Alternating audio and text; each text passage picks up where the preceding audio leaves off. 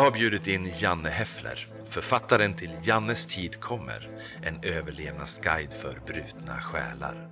Jag vill prata med honom om psykisk ohälsa. Jag hoppas också att vi hinner komma in på andra ämnen som psykvård, manlighet och kanske Brynäs IF.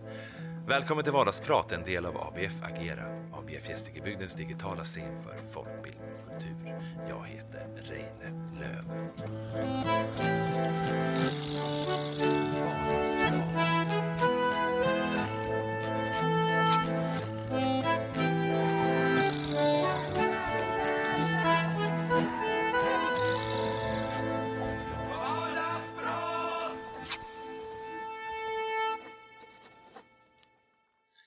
Välkommen Janne. Tack så mycket. Du, du har ju kallat den här boken för överlevnadsguide.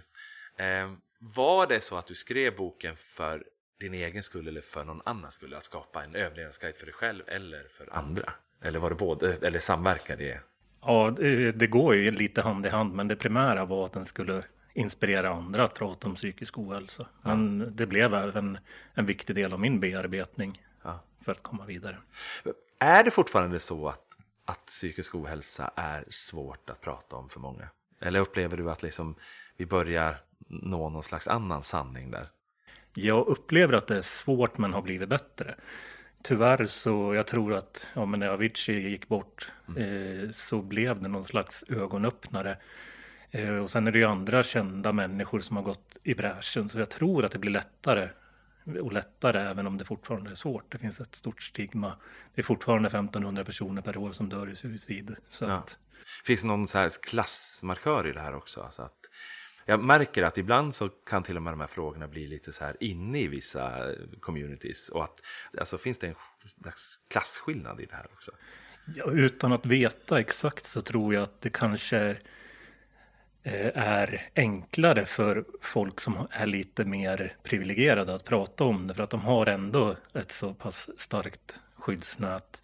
Men eh, rent generellt så drabbar ju psykisk ohälsa alla ja. hänsynslöst. Ja, oh ja. Så men jag, tror, jag kan tänka mig att det är fler faktorer som gör det extra jobbigt för folk som inte har så mycket medel. Att mm. man kanske är sjukskriven, man kämpar för att få mat på bordet och så kommer det psykiska ohälsan som ytterligare en plusmeny på det så det blir extra jobbigt. Mm. Jag läste ju din bok och blev väldigt drabbad på många sätt. Och, eh, men det jag tänkte på väldigt mycket när jag läste den det var Eh, både den här eh, brutala kraften i den, att, att det är nästan som en känsla av att det här är någonting du måste skriva. Men också den här känslan av att det är någonting du måste få ut väldigt snabbt. Att det finns liksom en, ja, en ett tempo i den. Liksom. Det är inte, eh, ibland så, så stannar du inte till vid detaljer utan du vill gå vidare i berättelsen. För du, du, vill, du har så mycket viktigt att säga. Är det en rätt känsla? Eller?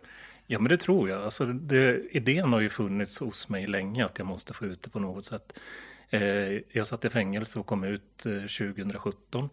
Eh, och redan i början av den resan så kände jag att jag ville göra något bra av kraschen som hade hänt mig. Och en del av det var att få ut det här inspirationen till att våga prata om psykisk ohälsa. Eh, så när jag började skriva så tänkte jag, vad är huvudmålet? Vem vänder jag mig till? Och då kom jag på ganska snabbt att det är både sådana som är drabbade och eh, sådana som står vid sidan av. Och då kände jag att det gällde att packa in det ganska komprimerat och forcerat för att eh, nå fram. Mm. För jag tror att om jag hade börjat linda in mig på Håkan Nesser-style så hade nog folk tröttnat. Ja, det tror jag. Ja. Jag tycker också det är skönt att, att du inte på något vis skriver att du är klar.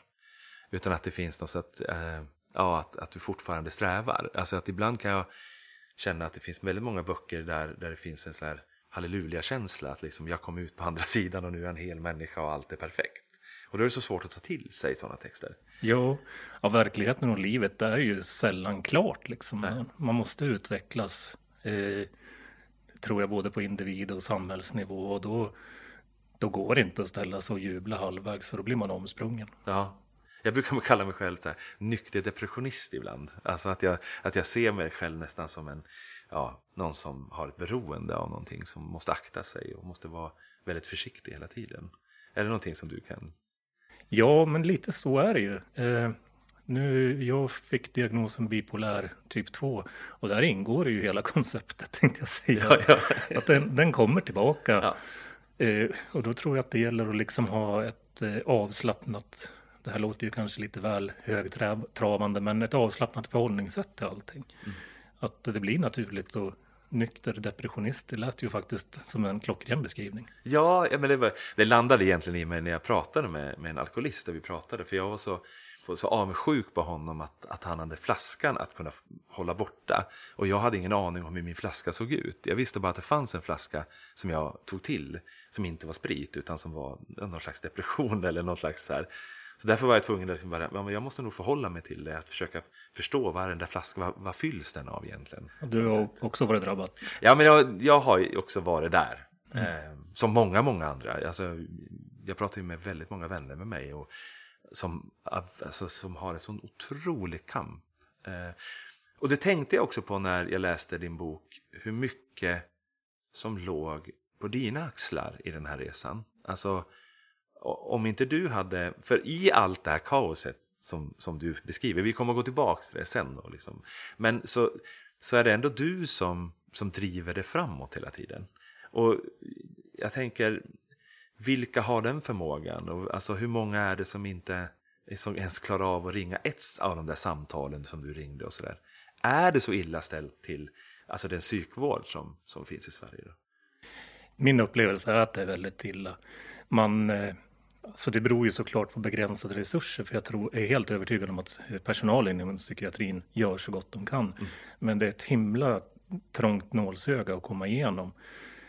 Det, det krävs att man är nästan nere i avgrunden för att eh, få akut hjälp. Eh, jag vet många som har blivit avvisade även fast de har sagt att jag har konkreta suicidtankar. Mm. Och jag upplever att många när de ber om hjälp eh, så har det redan gått för långt. Ja, för du skriver det någonstans i boken att här har man tagit kanske en månad att ladda för ett samtal för att överhuvudtaget våga ta kontakt och så möts man av någon som knappt har tid. Alltså, det känns som en fruktansvärd liksom, beskrivning tycker jag.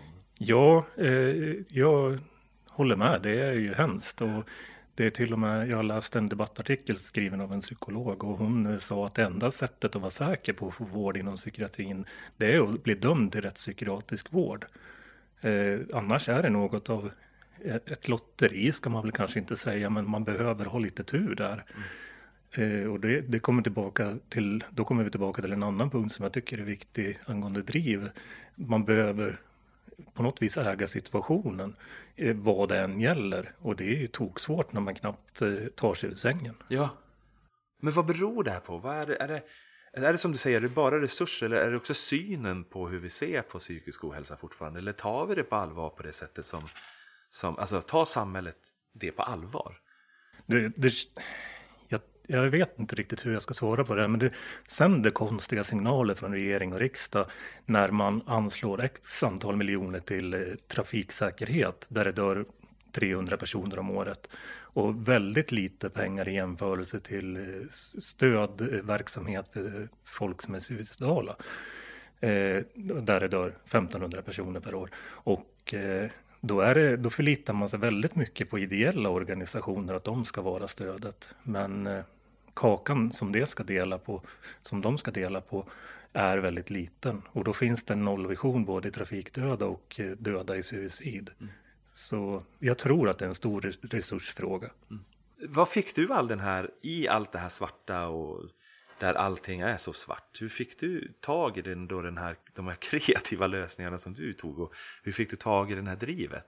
Eh, en stor grej innan jag kraschade var ju att jag trodde att jag var helt ensam i hela världen om att känna så här att mina nära och kära skulle vända mig i ryggen eh, om jag började visa mig sårbar. Men när kraschen kom så var det ju några avgörande dagar direkt efteråt att eh, både familj och vänner eh, i princip sa de ja men det här var ju skit att det hände men nu ser vi till att det inte händer igen. Och då fick jag energin på något vis. Att allt det jag har gått och oroat mig för är ju direkt felaktigt. Och då, då kände jag att ja, men nu, nu har jag möjligheten att göra något bra av det här. Mm. Det går att fixa liksom. Det har blivit som det har blivit för mig men det behöver inte bli så för andra. Nej. Jag känner jättemycket. Eh, jag gömde ju att jag hade till exempel panikångest i tio år. Som jag, inte, jag berättade, berättade inte för någon. Utan jag liksom ljög mig från möten. Och jag kunde sitta liksom på möten någonstans och säga men shit nu måste jag för nu händer det här. Eller nu eller alla de här gångerna när man ställde in fika med kompisar för att man helt plötsligt blev rädd för det där kaféet eller vad det nu kunde vara. Och jag ser mig själv ändå som någon slags här, ja, men både social och tänkande person. Men helt omöjligt, jag gömde det under tio år och vad är det som gör att vi, är det, är det liksom att visa sig svag som är? Jag tror att det är kombinationen med rädsla för att visa sig svag och eh, den syn som har rått på psykisk ohälsa. Jag vet, jag var hemma från jobbet ganska många gånger, men då var det alltid något fysiskt besvär som jag hänvisade Ja, till. samma här. Ja, magsjuka, feber och så vidare. Ja, jag hade ofta magsjuka. Ja, Ja. helsike det där. ja, men, och så tänker jag att eh, om, om det skulle bli lättare att prata om det så tror jag att även förståelsen skulle öka. Och jag, jag levde länge under föreställningen med att eh, chefer på arbetsplatser skulle tycka att jag var töntig som, ja men ryck upp det för 17. Det är ju det är bara att köra. Men eh, så är det inte. Men jag tror att det skulle behöva bli tydligare från, ja men i alla led. Att, ja men kanske på arbetsplatsträffar, att ja, men hur mår ni egentligen på riktigt? För det är också en erfarenhet jag har från arbete, att börjar man berätta så kryper det ju fram att alla mer eller mindre har direkt eller indirekt erfarenhet om något liknande. Ja, för det är sant. För så fort jag, för, ja, när jag väl hamnade där att det fanns ingen återvändo, då, då kom ju flera stycken fram och sa men shit Reine, har du också? Alltså direkt öppnas ju en helt ny värld som öppnade upp en helt ny möjlighet helt plötsligt. Och då är du en person som gav ringa på vatten till en hel del andra personer. Ja. Och då kanske en annan av dem börjar prata och så är man igång. Ja. Jag tror att det är väldigt positivt. Ja. Men det är inte enkelt. Nej, verkligen inte. Det är otroligt svårt. Du, du, ett brev i boken som jag tyckte var väldigt både drabbande och vackert och starkt. Eh, som jag vet att du skulle kunna läsa upp. Eh, skulle du vilja det? Eller? Ja, självklart. Det är ett brev då som jag i vuxna dagar för något år sedan skrev till Janne i 6-7 års åldern. För eh, grunden för det där med att visa sig, att jag inte ville visa mig svag, det föddes ju någonstans där i barndomen att eh, ja, men killar ska borsta av sig och resas på sig. Så då skrev jag ett brev som jag önskar att lilla Janne hade läst. Eh, det börjar så här. Hej Janne. Jag tänkte att jag skulle skriva till dig och påminna dig om att du duger. Det du känner är okej. Du har rätt till dina känslor och tankar. Den där diffusa röran som du känner inom dig. Jag förstår hur det känns. För när jag var i din ålder kände jag samma saker. Kom ihåg att vara en schysst banan. Möt folk med ett leende, men gör inte våld på dig själv. Ibland ska du lyfta, ibland ska du bli lyft. Det är inte ditt ansvar att se till att alla runt omkring dig mår bra. Var vänlig och lyssna på människor, men lyssna inåt också. Glöm inte bort att vara snäll mot dig själv. Du tillbringar otroligt mycket tid med dig själv. Ägna inte den tiden till att hacka, på dig själv. Det är okej att misslyckas. Du är inte en värdelös människa bara för att du gör något värdelöst. Träna på att säga nej. Riktiga vänner kommer att, kommer att acceptera att du inte hänger med på allt. Gör de inte det så är de inte riktiga vänner. Och en sista, jävligt viktig grej. Om du någon gång mår så otroligt dåligt att mörkret kväver dig. Berätta om det för människor i din närhet. De kommer inte att överge dig.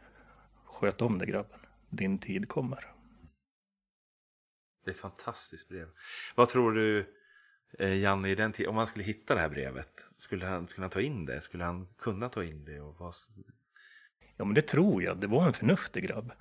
Eh, som hade den verbala förmågan redan tidigt. Jag tror att han bara behövde få bekräftelse på att om det där som händer i hjärnan det är, det är rimligt och naturligt.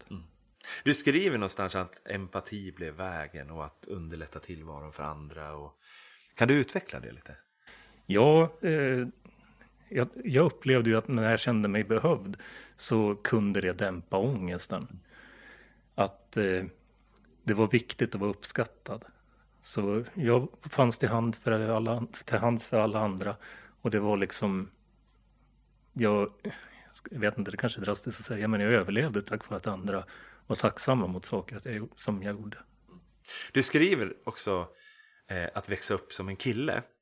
Eh, och så skriver du väldigt fint om det. Och jag har aldrig gjort det här i podden, men jag brukar, alla andra ha en text med sig. Men jag, jag hittade, eller det var en kompis till mig som, som ringde mig för typ ett halvår sedan och sa att eh, är det en bok som du måste läsa och helst också sätta upp som pjäs eller teater så är det den här. Och så gick jag och köpte den och så läste jag de två första sidorna och bara tårarna strömmade i, ja men jag blev helt förstörd på något sätt. Och det, jag tycker att den, jag skulle vilja bara se vad du säger om den texten. Eh, det är ur en bok som heter Vem dödade min far? Om den här texten var en teatertext skulle den börja så här. En far och en son står några meter ifrån varandra på en stor och öppen folktom plats. Platsen skulle kunna vara en veteåker, en nederlagd och öde fabrik eller en steril gymnastiksal. Kanske snöar det. Kanske lägger sig snön gradvis över dem tills de inte syns längre. Fadern och sonen ser nästan aldrig på varandra. Endast sonen talar. De första meningarna han säger läser han upp från ett papper eller en skärm. Han försöker vända sig till sin far men av någon anledning är det som om fadern inte kunde höra honom. De står nära varandra men når inte fram.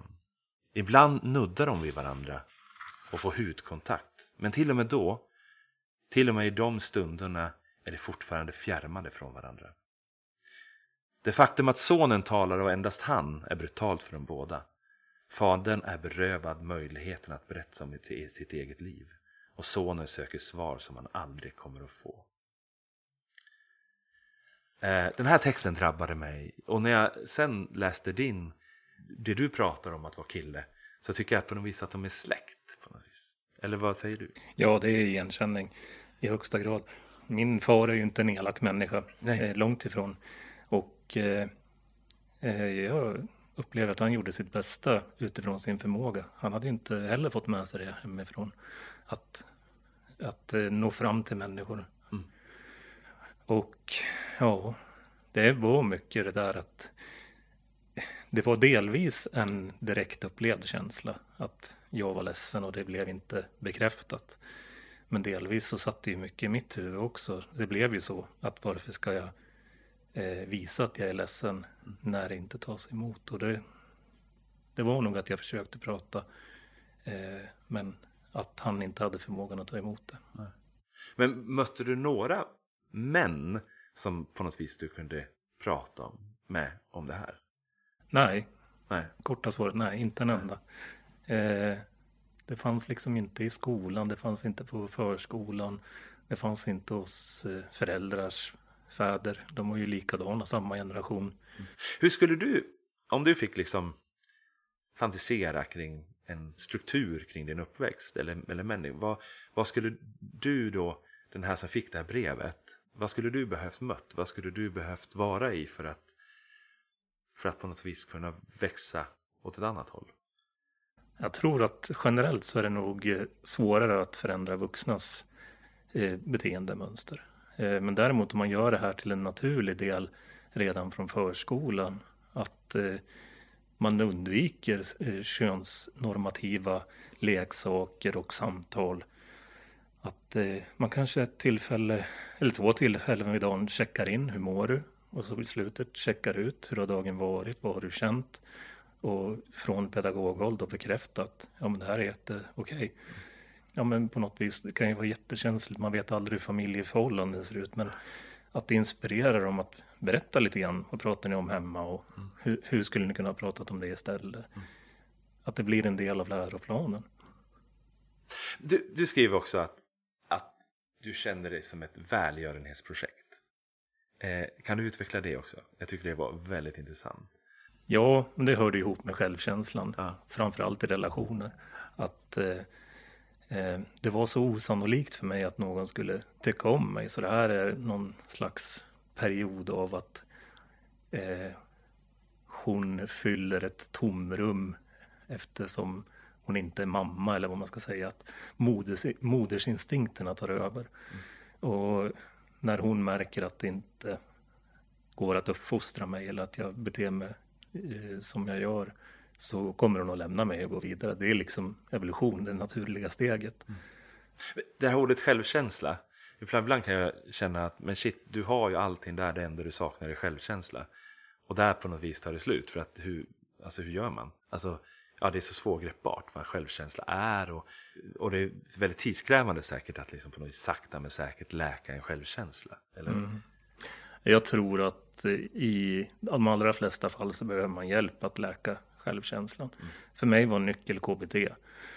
Sen om man hittar hjälpen i ja, men andlighet eller meditation eller eh, religion eller vad som passar en. Det, det, tror jag inte är så viktigt utan man behöver hjälp att få sina rädslor utmanade. Mm. Vad var KBT? Vad, vad var det som funkade för dig där? Det blev just den här eh, eh, vad ska man säga, jämförelsen mellan Janne liten och Janne vuxen. Att, eh, hur tänkte lilla Janne i den här situationen och vad skulle du nu som vuxen vilja säga till honom? Där någonstans föddes tanken om brevet också. Men eh, att eh, mitt problem var väl att upplevde terapeuten och det håller jag med om att eh, jag reagerade som en femåring i många situationer. Mm. Att det var sorg eller ilska om något inte gick bra. Och sen när allt flöt på så var jag väl glad och lekte runt men det utmanades alldeles för ofta. Och någonstans så fick jag lära mig att reagera som en sund vuxen. Alltså mjölken är slut, ja, men det är inte slut på världen liksom. Nej, nej, nej. Men du skriver också att du, för det kände jag igen mig i, jag har ju döpt min ångest till oroliga grannen eller mm. ibland också skitgrannen, eller jag brukar i alla fall vara grannen. Du har ju tagit ett steg till och du har ju döpt honom till Ove Sundberg, eller hur? Ja. Eh, som jag tyckte var så klockrent. Jag tänkte nästan sno. Ja, men det går Nej, men det blev ännu tydligare. Ja. Den här grannen som alltid är orolig och som alltid straffar och som alltid på olika som, som alltid drygar sig. Ja, som alltid drygar sig. Och nej, det plonka is at home. Ja, eh, ja men det, det, har ju också blivit ett sätt att ha en avslappnad relation till ja. ångesten och till depressionen. Ja, och för mig har det också blivit, ett, och jag vet inte om du känner igen det, att det har blivit nästan som en, ett, ett lustfyllt krig mot den här, alltså, när jag vaknar på morgonen så planerar jag nästan dagen för hur jag ska vinna mot den där grannen. Och då, då tänker jag, jag måste göra frihetshandlingar, för det är det största vapnet, för då kommer den att sådär, ja men idag ska jag fan träna, för då jävlar, det var du inte beredd på, eller idag ska jag, vad det nu kan vara. Alltså, att, att för mig har det varit en otrolig nytta att få separera mig själv i, till den här Ja, att jag är inte den där oroliga grannen. Liksom. Känner du igen det? Ja, men absolut. För jag tror att Ove i det här fallet är en väldigt svart eller vit personlighet när han får utlopp för sina behov så då trivs han och mår bra. Liksom. Men nu har jag brutit ner den här snubben. Nu, nu fortsätter jag lalla runt här och äta upp hans mat. Men ja. om man då ja. ifrågasätter Ove så får ju han lite panik också. Men det här kanske inte var så sunt. Jag trivs nog inte här. Nej. Jag går hem igen. Mm. När, när, det, när man mår så pass dåligt så att det påverkar samhället runt en. Det kan vara vänner, det kan vara arbetsgivare, det kan vara... Alltså vad är det för acceptans? För du pratar om det väldigt mycket ju. Eh, vad är det för acceptans som behövs för att det här ska funka? på något sätt? Jag tror att eh, i allmänhet behöver människor bli bättre på att inte ifrågasätta så mycket. Ja, men hur kan du tänka så? Hur kan du göra så? Du borde träna si och så mycket. Du borde käka det här. Du borde göra det här och åka utomlands fyra gånger och förverkliga dig själv. Lev livet, kör barnen till träning, tjofaderittan. Mm. Eh, den här like-hetsen eller vad man ska säga jag tror vi måste försöka jobba bort den och acceptera att ja, men alla är inte stöpta i samma form och det är faktiskt en, en tillgång, en resurs snarare än något konstigt skulle jag vilja påstå. Mångfald berikar på mm. alla sätt. Är det kanske också svårare att acceptera någon som ringer en arbetsgivare och säger att ja, idag mår jag psykiskt dåligt eller när man ringer och säger att ja, men som vi började prata om shit idag har jag feber eller jag har, jag har magsjuka. Ja. Alltså vad, ja, hur bemötandet är där. Ja, för jag tänker även om chefen tänker ja ja men det är ju jättebra att du lyssnar in något. Var hemma om du mår dåligt. Så kanske chefen säger till arbetslaget att ja men Janne är hemma idag för att han mår inte så bra psykiskt. Och då kanske det drar igång saker hos, ja men vad är det för latmask? Ja. Han måste ta en promenad, han måste ta sig i kragen. Och... Ja. Det var så roligt när du skrev det som ett negativt exempel som man ska säga till någon annan att ta en promenad. Som kanske är den viktigaste meningen jag fick. Det var när jag äntligen hamnade hos en läkare. Och så, jag, för jag trodde jag skulle dö fysiskt. Mm. Eh, och så hade han undersökt mig och sa men det är inget problem. Det, jag hittade, du har perfekta värden. Eh, och så förstod jag helt plötsligt då att, jag, att det var, handlade om psykiskt. Och när jag helt plötsligt bara, för jag hade ju bara kunnat lägga i en säng i flera veckor. Och så bara säger han till mig, eller jag frågar honom, vad ska jag göra nu? Ja men ta en promenad. Och jag kommer ihåg den promenaden jag gick från, från läkaren. Att liksom den känslan av Bambi på hal is men också den här känslan av att både lite med förvirring men också en så otrolig frihetskänsla att bara kunna och sakta men säkert kanske fylla kroppen med lite mer syre. Sådär. Mm. Ja, men i, i grund och botten så är jag en förordare av promenad. Ja, jag vet det. det var... jag, jag tycker att det är jättebra. Ja. Men eh, det, det problemet, problemet uppstår väl att när man är i en djup depression så då är det ett hån. Ja, det blir det. Och det, det hjälper, alltså vid mild och lindrig, lindrig och mellan svår depression så då hjälper det med fysisk aktivitet. Det finns det forskning på. Men är man körd i botten då, då är det något annat som behövs. Är det möjligt för någon annan att vända eh, någon annan? Eller är det, är det framförallt det här valet, alltså att på något vis någon slags insikt? För, för mig blev det så, det var konkret på ett hotellrum när jag helt plötsligt vaknade en natt och bara jag kan inte leva en enda dag till utan att bli lite gladare, lite friare. För annars kommer jag inte orka. Mm. Att det blev liksom en, jag var tvungen att komma dit för att liksom kunna sakta men säkert vända Finlandsfärjan. Ja, med en tesked. Ja, med en tesked, ja. ja. Nej, men jag tänker att eh, jag tror att det är svårt att hjälpa någon som inte vill ha hjälp. Men jag tror att eh, det, det, behöver ju finnas någon som tar den där utsträckta handen. Mm. Så jag tror definitivt att, eh, att hjälpa någon går. Och jag tror att det kan vara nödvändigt.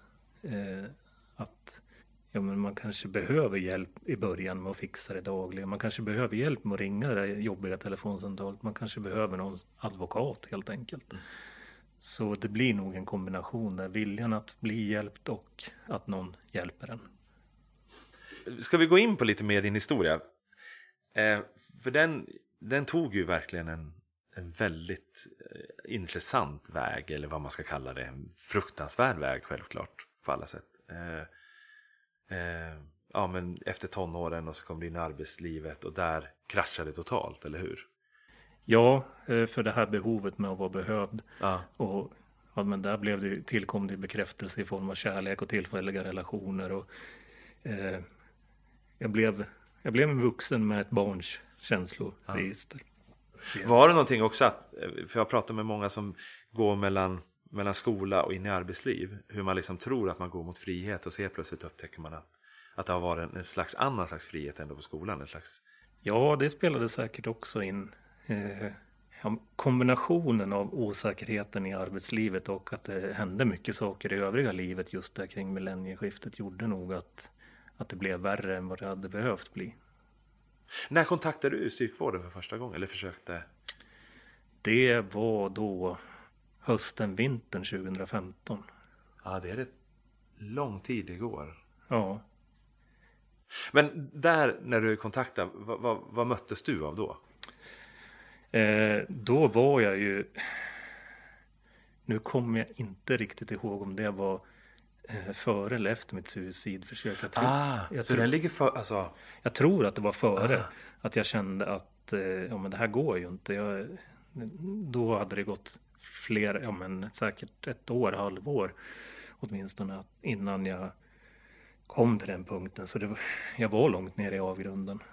För du skriver så intressant och starkt om, om ordet självmord kontra suicid. Och, eh, kan du inte berätta lite om det? Ja, eh, jag tänker så här att självmord det innehåller ju frasen mord. Och för mig så indikerar det att eh, det måste finnas ett uppsåt för att det ska kallas ett mord. Och den etablerade frasen är ju att personen valde att ta sitt liv. Den hade ett val. Men eh, jag tycker inte att det finns ett val. Alltså, för att det ska vara ett val måste det finnas alternativ. Och när det är som mörkast ser man inga alternativ. Nej. Så jag tycker att hela det är ju det är någonting som inträffar när man inte har förmågan att gå vidare. Mm. Det är inte någonting man väljer. Nej. Och du, du kom ju dit, alltså i ditt mål där du försökte, eller hur, en gång? Ja. Eh, efter lång planering känns det som. Ja, det var ju det var mörkret som drev mig. Ja. Eh, och så fanns den här känslan av att vara till lags och inte vara till besvär kvar. När jag gjorde det så var det en spontan handling, men förberedelserna hade jag gjort länge. Och hur kunde de förberedelserna se ut? Eh, många googlingar. Ja, Nej, jäkla Google. ja, ja. ja. Eh, ja, men det var både googlingar på effektiva sätt, eh, smärtfria sätt, eh, eh, störst chans att avlida och så vidare. Mm. Och eh, ja, men även, kom även in på närstående till någon som hade förlorat någon i suicid och hur orsakar man minst skada för dem? Mm. Och då föddes ju tanken på att det skulle se ut som en olycka. Mm. För att då, ja men det skulle bli lite sorg men inte så många frågetecken. Mm. Tänkte jag. Och det var då du köpte hem sprit? Ja, Eller vin Vin det. blev det. Ja. Eh, jag är inte så förtjust i sprit så att Nej. det, nej, och numera inte i vin heller. Men eh, eh, det var ju tanken att jag skulle supa mig klapprak och det var en vinter så jag skulle somna i en snödriva. Det var minusgrader när jag väl tänkte att nu kör jag. Mm. Eh, så jag stövlade iväg där i natten. Men eh, som tur var så blev jag upptäckt av allmänheten. Så de ringer polisen och jag blir omhändertagen då för fylleri. Eh, LOB, lagen om omhändertagande och berusade. Eh, så det, det blev ju också en form av vändpunkt. Men blev du på något vis offentlig i ditt nätverk då? Eller blev ditt mående efter den händelsen? Såg alla då att... Nej, ingen såg. För det här, det rapporteras i form av en, en rapport till socialtjänsten. Och där utgår man ifrån att problemet till att jag blev full, det var att jag har missbruksproblem. Dricker du för Jag fick hem ett brev där frågeställningen var dricker du för mycket? Ta kontakt med oss. Men ingen i min omgivning fick kännedom om det för att jag är ju myndig och var då också så det blev, det blev jag som fick hantera det också. Men eh, tanken föddes ju då på att ja, men, jag vill ju inte dö, jag vill bara inte leva som den där klassiska. Ja. Där föddes ju andra idéer istället. Kan du berätta om den idén som föddes? Ja, jag vände mig åter till psykologen Google eh, och började kolla på alternativ. Eh, grundtanken var att ja, men jag fixar inte verkligheten. Kan jag fly den på något vis? Alltså det är så, jag brukar säga att det ologiska blev logiskt i den här förvrid, förvridna mörkret. Så då började jag googla på fraser som ta time-out från samhället, hamna i koma. Jag funderade på att bli legosoldat och allt möjligt konstigt som är ganska, eller väldigt främmande från mig nu. Mm. Och då hamnade jag på ett internetforum där det fanns en tråd om hur det var att sitta i fängelse. Då läste jag den noggrant och ja, men det här kanske inte är så himla dumt ändå.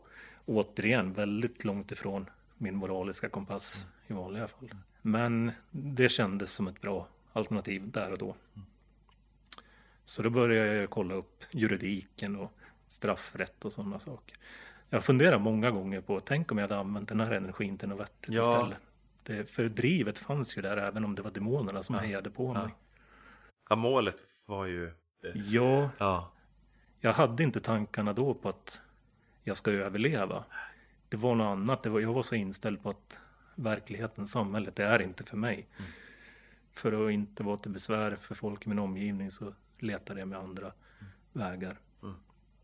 Hur kom du fram till att du skulle tända eld på något? Vad var det som avgjorde det? Ja, eh, det var ju straffskalan. Ja, det var Eh, straffskalan. Ja, eh, jag kom fram ganska tidigt till att för att bli garanterad häktning, alltså inte frisläppt i väntan på rättegång, så var det tvungen att vara ett brott som genererade minst två års fängelse. Eller det skulle finnas en risk för fortsatt brottslighet eller flykt eller sådana grejer.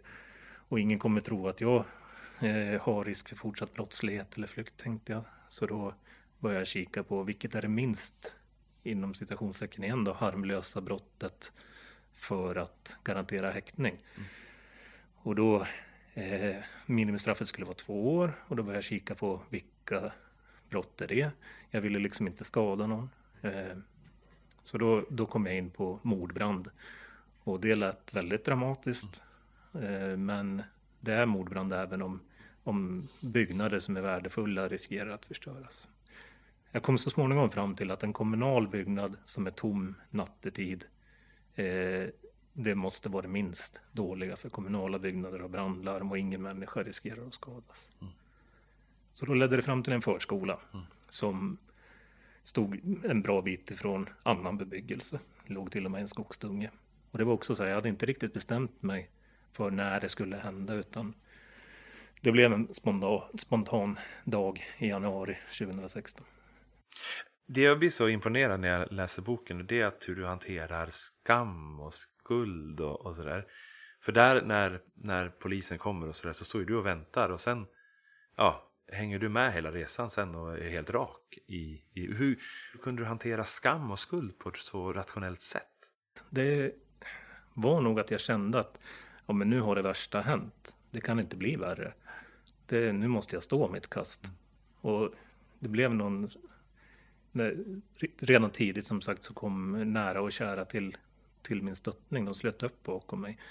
Och då kände jag att eh, ja, men det här måste jag ju fixa till. Det här var ju helt värdelöst. Och då var ju liksom hela känslan av att ta ansvar, betala av samhällsskulden och samvetsskulden. Mm. Eh, den, blev, den blev dominerande då. Var du liksom tvungen att ta det till botten på det sättet för att kunna vända? Alltså... I efterhand ja. ja. Det, det blev vändningen. Ja. Jag kunde inte sjunka längre och då eh, då blev det så att ja, men det här är ju vändpunkten, det är inte slutet utan det är kommatecknet. Nu ska jag fortsätta.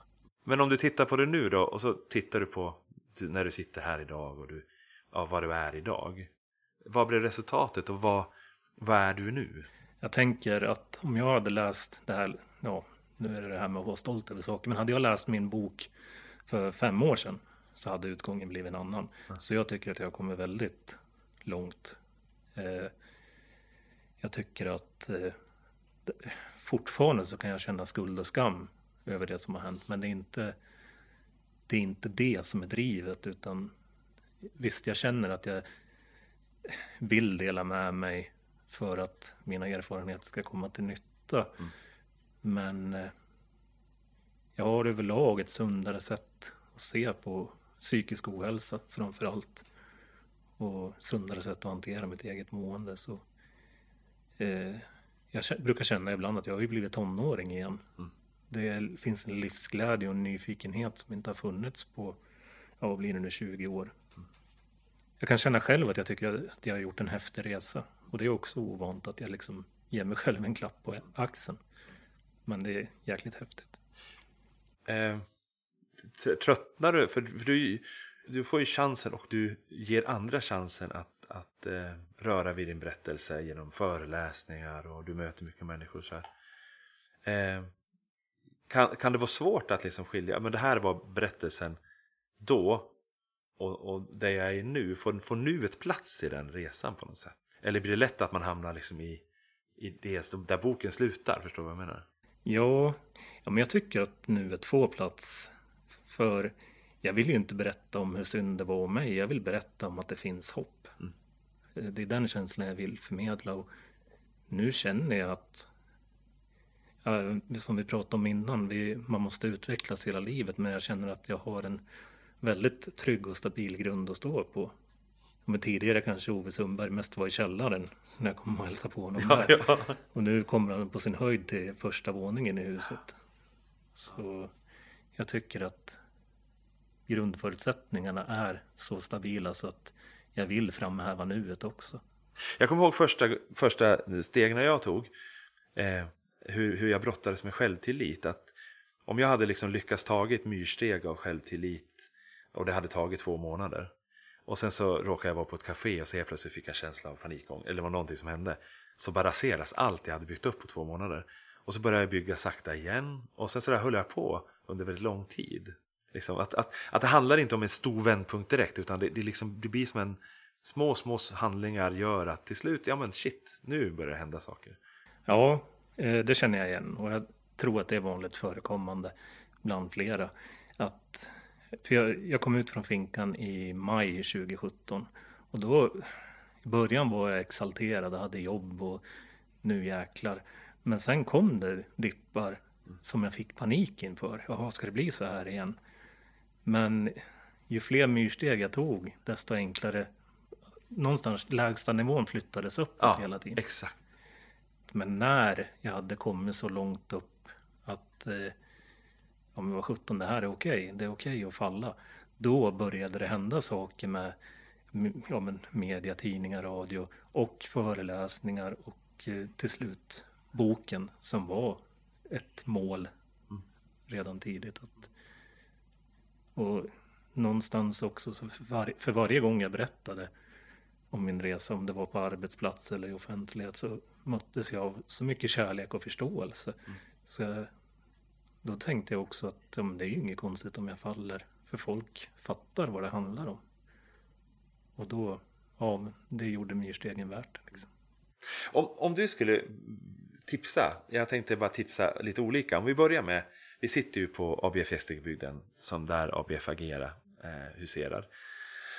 Och det är ju en, det är en bildningsorganisation, vi jobbar med bildning och med människor. Om, om du skulle tipsa en bildningsorganisation hur vi, hur vi ska jobba med de här frågorna, både kring frågorna men också hur vi ska jobba kring tillgänglighet. Vi pratar ju ofta om, om fysisk tillgänglighet, att liksom tillgängliggöra lokaler och sådär. Men vi pratar sällan om ja, men hur skulle en kurs se ut för att vara tillgänglig för, för den gruppen.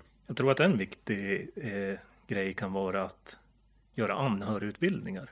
Eh, att eh, för hur den är så eh, det finns hjälplinjer för människor i kris. Alltså folk som är direkt drabbade. Eh, bara man vet var de finns någonstans. Och då kanske man skulle kunna utbilda anhöriga att ja, men de här vägarna kan du gå. Eh, eh till exempel, jag förstod ju för sent att det var via hälsocentralen jag skulle gå. Jag skulle inte ringa direkt till psykiatrin. Nej.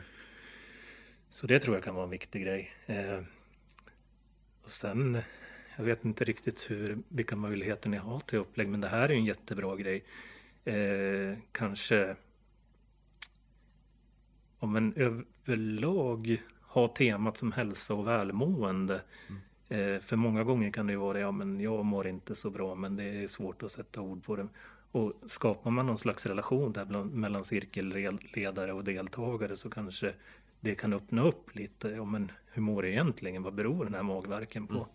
Ja, för jag tänkte när jag skulle träffa dig också, först tänkte jag på det perspektivet och det tycker jag är jätteintressant det du säger. Men sen tänkte jag också på perspektivet att, alltså hur skulle, eller hur kan en kurs i hantverk se ut till exempel? För att vi ska på något vis tillgängliggöra den för, för fler människor som, ja men, krävt en extra tydlighet eller krävde liksom rätten att få lämna när jag vill och gå ut ur lokalen. Alltså att, att, att man är medveten, alltså direkt när kursen börjar så, så bara berätta det. Så, när, ni, när ni vill får ni gärna bara gå ut och komma tillbaks. Eller, eller vad är det som krävs för att liksom, finns det en möjlighet att kunna tillgängliggöra det rummet på ett annat sätt också? Ja, det tror jag. Man, man skulle ju till exempel kunna börja med, vid presentationsrundan att köra någon slags incheckning. Ja, men hur är läget idag? Är det någonting du tycker att vi behöver känna till om dig?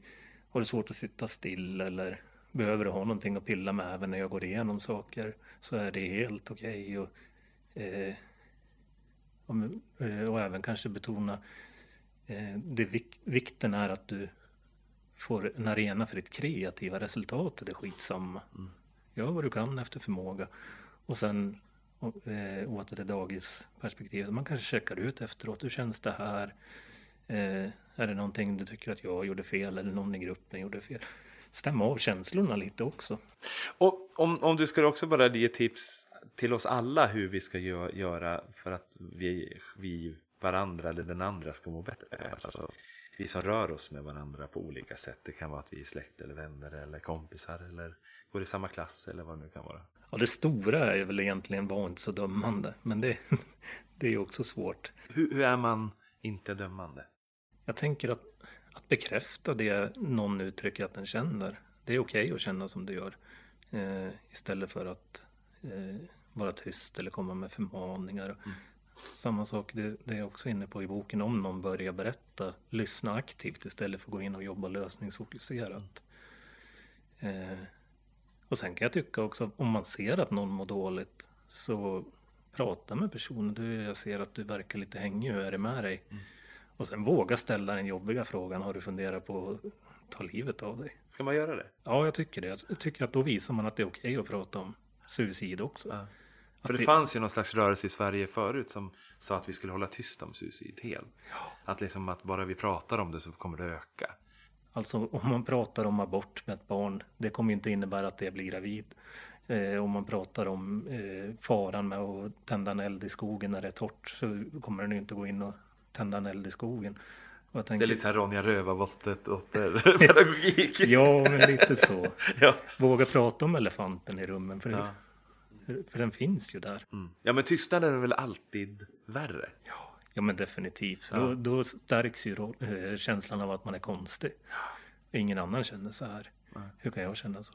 Men jag tror, alltså jag tror att det är väl ett arv från den lutheranska kyrkan att vi ska inte, vi ska liksom inte prata om suicid för Gud tycker inte om det. Och mm. Alla våra högtider bottnar i religion. Jag, säger, jag dissar inte religion på något sätt. Jag tycker att det har mycket fint också. Eh, men nu vet jag inte. Jag tror att kyrkan har moderniserats också såklart på den punkten. Men vi alla måste eh, dra vårt strå till stacken och ställa den jobbiga frågan. Mm. Det är nog, och var inte rädd för det, för du behöver inte veta vad du ska svara. Eh, bara lyssna och bekräfta. Ja, jag förstår att du känner så. Mm. Eh, vill du att jag ska hjälpa dig på något sätt? Jag kan hjälpa dig att ta kontakt med en kurator eller mm. jag var lite dryg, nästan Ove Sundberg-style och bjuda in sig själv med en påse bullar och ja, ja. även om det blir eh, irritation mm. i det direkta så så får man ändå igång det. Ja, men den människan bryr sig om mig. Och... Jag tänker på bara en sista. Eh, jag skulle ju kunna prata med dig typ hela kvällen och dagen och allting. Men, men om vi ska. Eh, eh, de tiderna som vi är i nu med corona och med, med det som händer. Eh, stå, tror du att vi står inför Alltså att vi på något vis, att, att psykisk ohälsa håller på att öka? Har du sett några sådana siffror? Eller liksom vad, vad händer? Det enda konkreta jag har sett är att eh, kvinnojourerna märker ju en minskning på stödsamtal. Eh, undrar om det var BRIS eller om det var Rädda Barnen som märkte en minskning på samtal. Mm. Och eh, Systembolaget märker en ökad försäljning. Mm.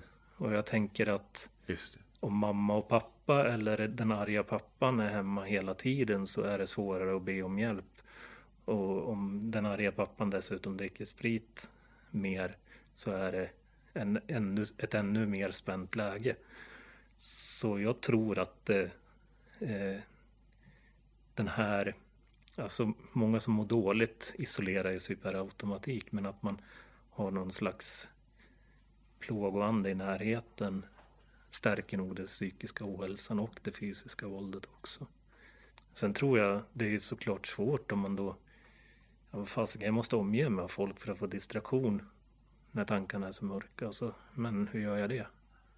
Så jag tror definitivt att vi har en utmaning här, både vad det gäller själva epidemin och dess konsekvenser.